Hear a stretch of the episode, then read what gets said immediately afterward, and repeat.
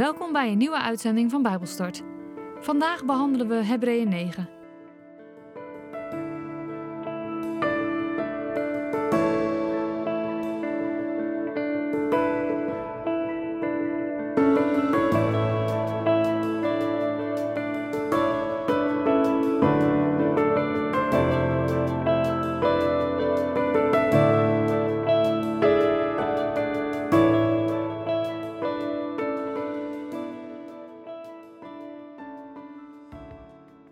Ik lees met jullie uit de basisbijbel Hebreeën 9. Ook het eerste verbond had regels voor de aanbidding van God.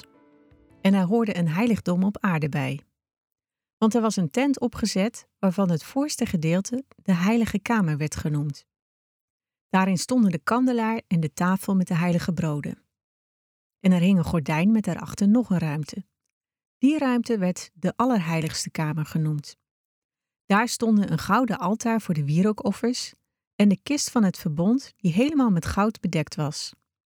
In die kist lagen een gouden kruik met manna, de staf van Aaron die had gebloeid en de platte stenen van het verbond. Op de kist stonden de gouden engelen die hun vleugels uitspreidden over het vergevingsdeksel. Zij verborgen Gods aanwezigheid. Maar over deze dingen wil ik het nu niet hebben. Zo was de tent dus ingericht. De priesters kwamen steeds in het voorste deel van de tent om God te dienen. Maar in het tweede deel van de tent kwam alleen de hoge priester, één keer per jaar. En hij mocht daar alleen binnengaan om bloed te offeren.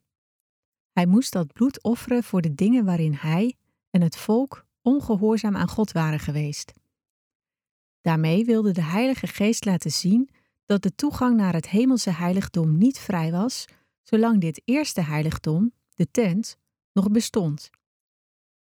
Het was voor deze tijd een afbeelding van het hemelse heiligdom. Er werden offers gebracht om van God vergeving te krijgen. Maar die offers konden het innerlijk van de mensen die deze offers brachten niet volmaakt maken. Want het ging daarbij alleen over godsdienstige regels. Wat de mensen mochten eten en drinken en wanneer ze zich moesten wassen om rein te worden. Het waren alleen uiterlijke regels, voor het lichaam, Daaraan moesten de mensen zich houden totdat er iets beters zou komen. En dat betere is er nu. Nu is Christus gekomen als hoge priester van alle goede dingen die zouden komen. Het heiligdom waarin hij dient is belangrijker en volmaakter. Dat heiligdom is niet door mensen gemaakt. Het staat ook niet hier op aarde, maar in de hemel. En hij bracht er geen bloed van geiten en stieren binnen, maar zijn eigen bloed. Daarmee is hij één keer voor altijd binnengegaan in het hemelse heiligdom. Daarmee zorgde hij ervoor dat we voor eeuwig gered zouden zijn. Vroeger konden schuldige mensen vrijgesproken worden van hun schuld door het offeren van bloed van geiten en stieren of door de as van een verbrande koe. Daardoor werd het lichaam van de mensen weer rein. Nu heeft Christus door de eeuwige geest zijn eigen bloed aan God geofferd. Omdat hij God nooit ongehoorzaam was geweest, was zijn offer volmaakt. Het is dus duidelijk dat zijn volmaakte offer ons nog veel meer zal vrijspreken van schuld. Want zijn bloed reinigt ons geweten van alle dingen waar God niets aan heeft. Daardoor kunnen we nu de levende God werkelijk dienen. Zo heeft Hij een nieuw verbond voor ons gesloten. De mensen die door God zijn geroepen, kunnen door Jezus dood krijgen wat God al zo lang geleden had beloofd: de eeuwige erfenis. Ze worden bevrijd van de straf voor de verkeerde dingen die ze hadden gedaan in de tijd van het eerste verbond. Als ergens een testament is, moet er ook iemand sterven, namelijk de persoon die het testament heeft gemaakt. Want wat er in het testament staat, gaat pas gebeuren als de persoon die dat testament heeft geschreven is gestorven. Zolang hij nog leeft, gebeurt er niets mee. Daarom is het eerste verbond ook met bloed gesloten. Bloed is een bewijs van dood. Eerst las Mozes de hele wet aan het volk voor. Daarna nam hij bloed van stieren en geiten, samen met water, rode wol en een bosje van de hysopplant. Daarmee besprenkelde hij het wetboek en het hele volk. Daarbij zei hij: Dit bloed is het teken dat God zich zal houden aan het verbond dat hij met ons heeft gesloten. Ook de tent en alle voorwerpen voor de aanbidding van God besprenkelde hij met bloed. En bijna alles wordt onder de wet van Mozes met bloed gereinigd. Zonder bloed is er geen vergeving. De afbeelding van de hemelse dingen moesten dus met bloed worden gereinigd. Maar de hemelse dingen zelf moesten met een beter offer worden gereinigd, namelijk met het bloed van Christus. Want Christus is niet binnengegaan in het heiligdom dat door mensen is gemaakt. Hij ging niet het heiligdom binnen dat een afbeelding is van het echte hemelse heiligdom. Nee, hij is in de hemel zelf binnengegaan om God te dienen. Dat deed hij om ons te redden. Elk jaar opnieuw gaat de hoge priester het heiligdom binnen met dierenbloed. Maar Jezus kwam niet om zichzelf vaak te offeren, want dan zou hij heel vaak hebben moeten lijden sinds de aarde is gemaakt. Maar nu, aan het eind van de tijd, is hij eenmaal gekomen om door zijn offer alle ongehoorzaamheid van ons weg te nemen. De mensen sterven eenmaal en worden dan geoordeeld. Zo is ook Christus eenmaal gestorven. Hij heeft zichzelf eenmaal geofferd om de straf voor de ongehoorzaamheid van de mensen op zich te nemen. Als hij voor de tweede keer komt, komt hij niet meer om zichzelf voor onze ongehoorzaamheid te offeren. Dan komt hij om de mensen die op hem vertrouwen voor hun redding helemaal te bevrijden.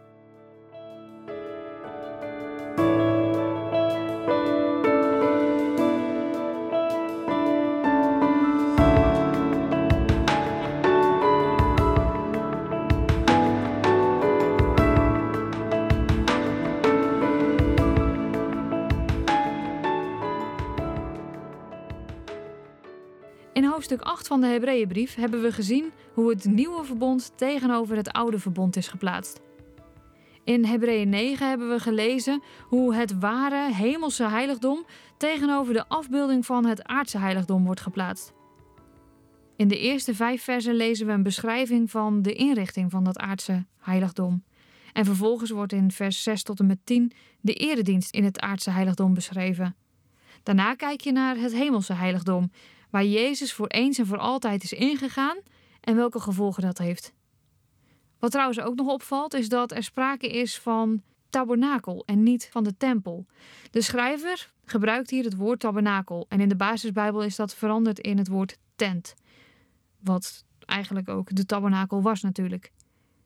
En dat komt omdat de beschrijving van de tabernakel en die dienst daarin beter passen bij de wijze waarop de christenen gezien werden toen die tijd. Zij werden namelijk gezien als een pelgrimsvolk dat op aarde was, maar onderweg was naar het beloofde land. Net zo als het volk van Israël toen zij de tabernakel hadden en nog geen vaste verblijfplaats hadden. En dus ook geen tempel konden bouwen. Dat wil dus niet zeggen dat er een verschil is tussen de inrichting van de tabernakel of de inrichting van de tempel en er een verschil is tussen de diensten in de tabernakel of de tempel. Nee, ze zijn gelijk, maar de schrijver schrijft over de tabernakel of over de tent vanwege dus de visie op de christenen die tijd als pelgrimsvolk. De schrijver begint dus met het beschrijven van het verband tussen het eerste oude verbond en de regels voor de eredienst in het aardse heiligdom. En in die beschrijving neemt hij de lezers mee naar de tabernakel, de tent. En hij neemt de lezers mee in de verschillende voorwerpen. Hij begint in het eerste gedeelte van de tabernakel, het heilige. Dat wordt ook beschreven in Exodus 26.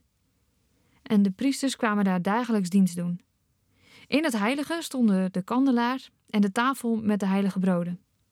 Het tweede gedeelte, achter het voorhangsel, het gordijn, is het heilige der heiligen, of zoals in de basisbijbel staat, de allerheiligste kamer.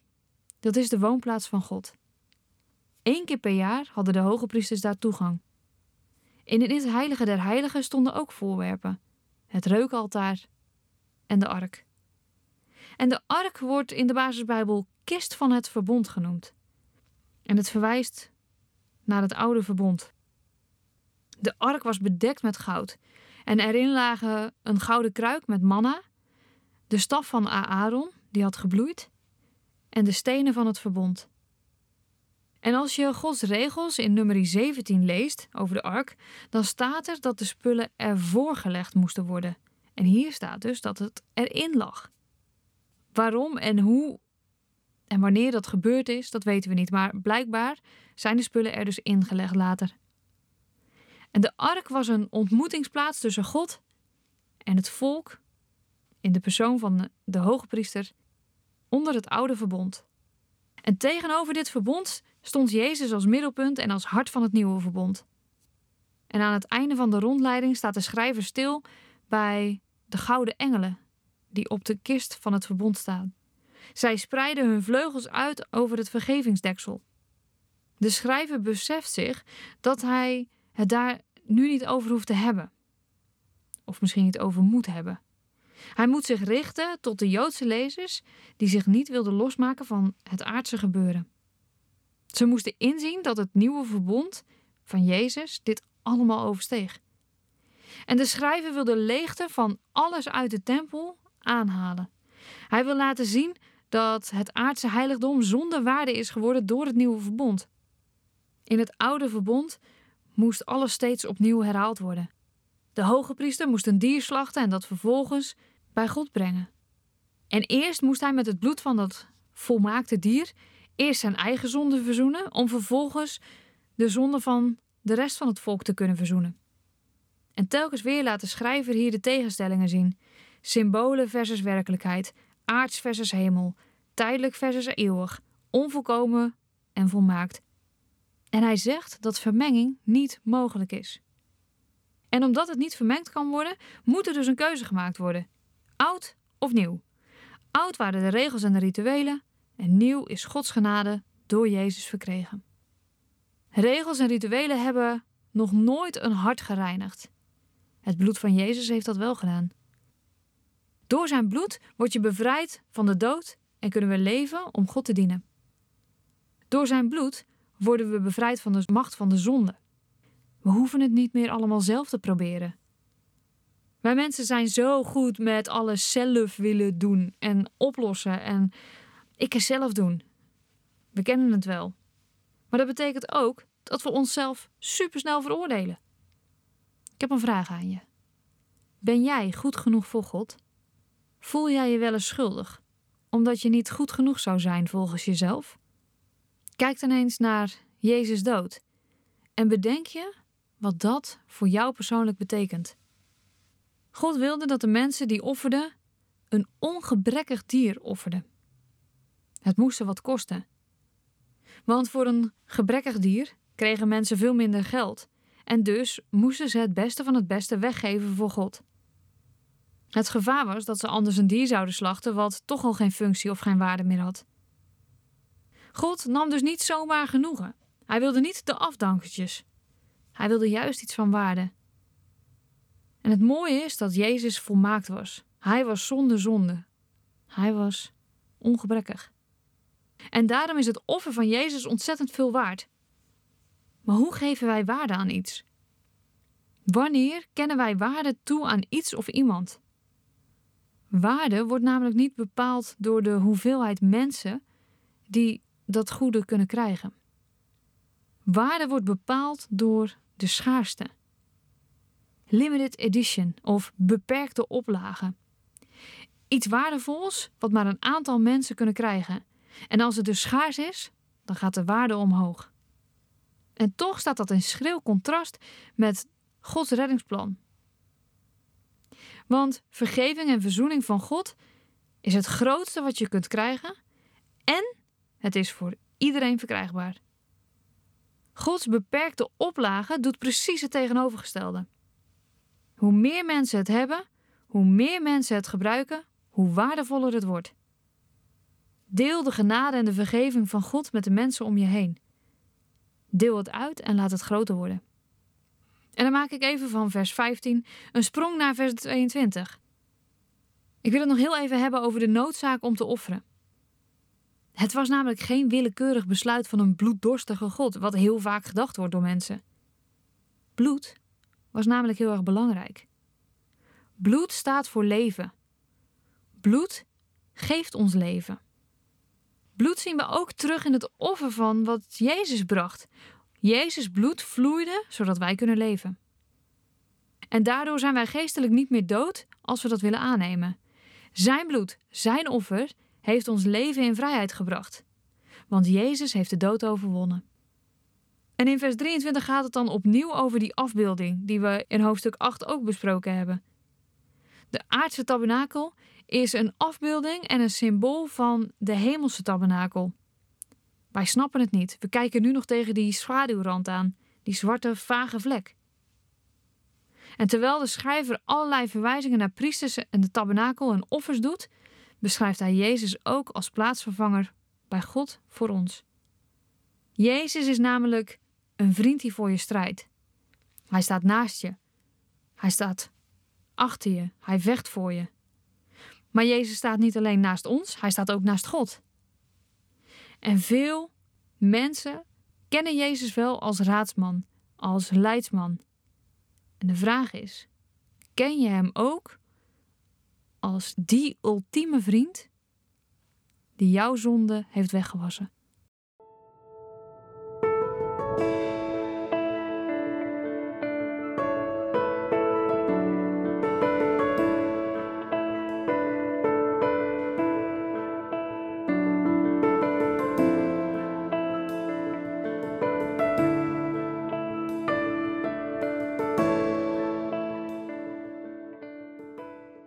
Dit was Bijbelstart, een programma van TWR. Het is gebaseerd op het Amerikaanse programma Through the Bible, ook wel TTB genoemd. En deze uitzending is een samenvatting van twee afleveringen. Wil je meer weten? Ga dan naar ttb.org of ga naar twr.nl/bijbelstart.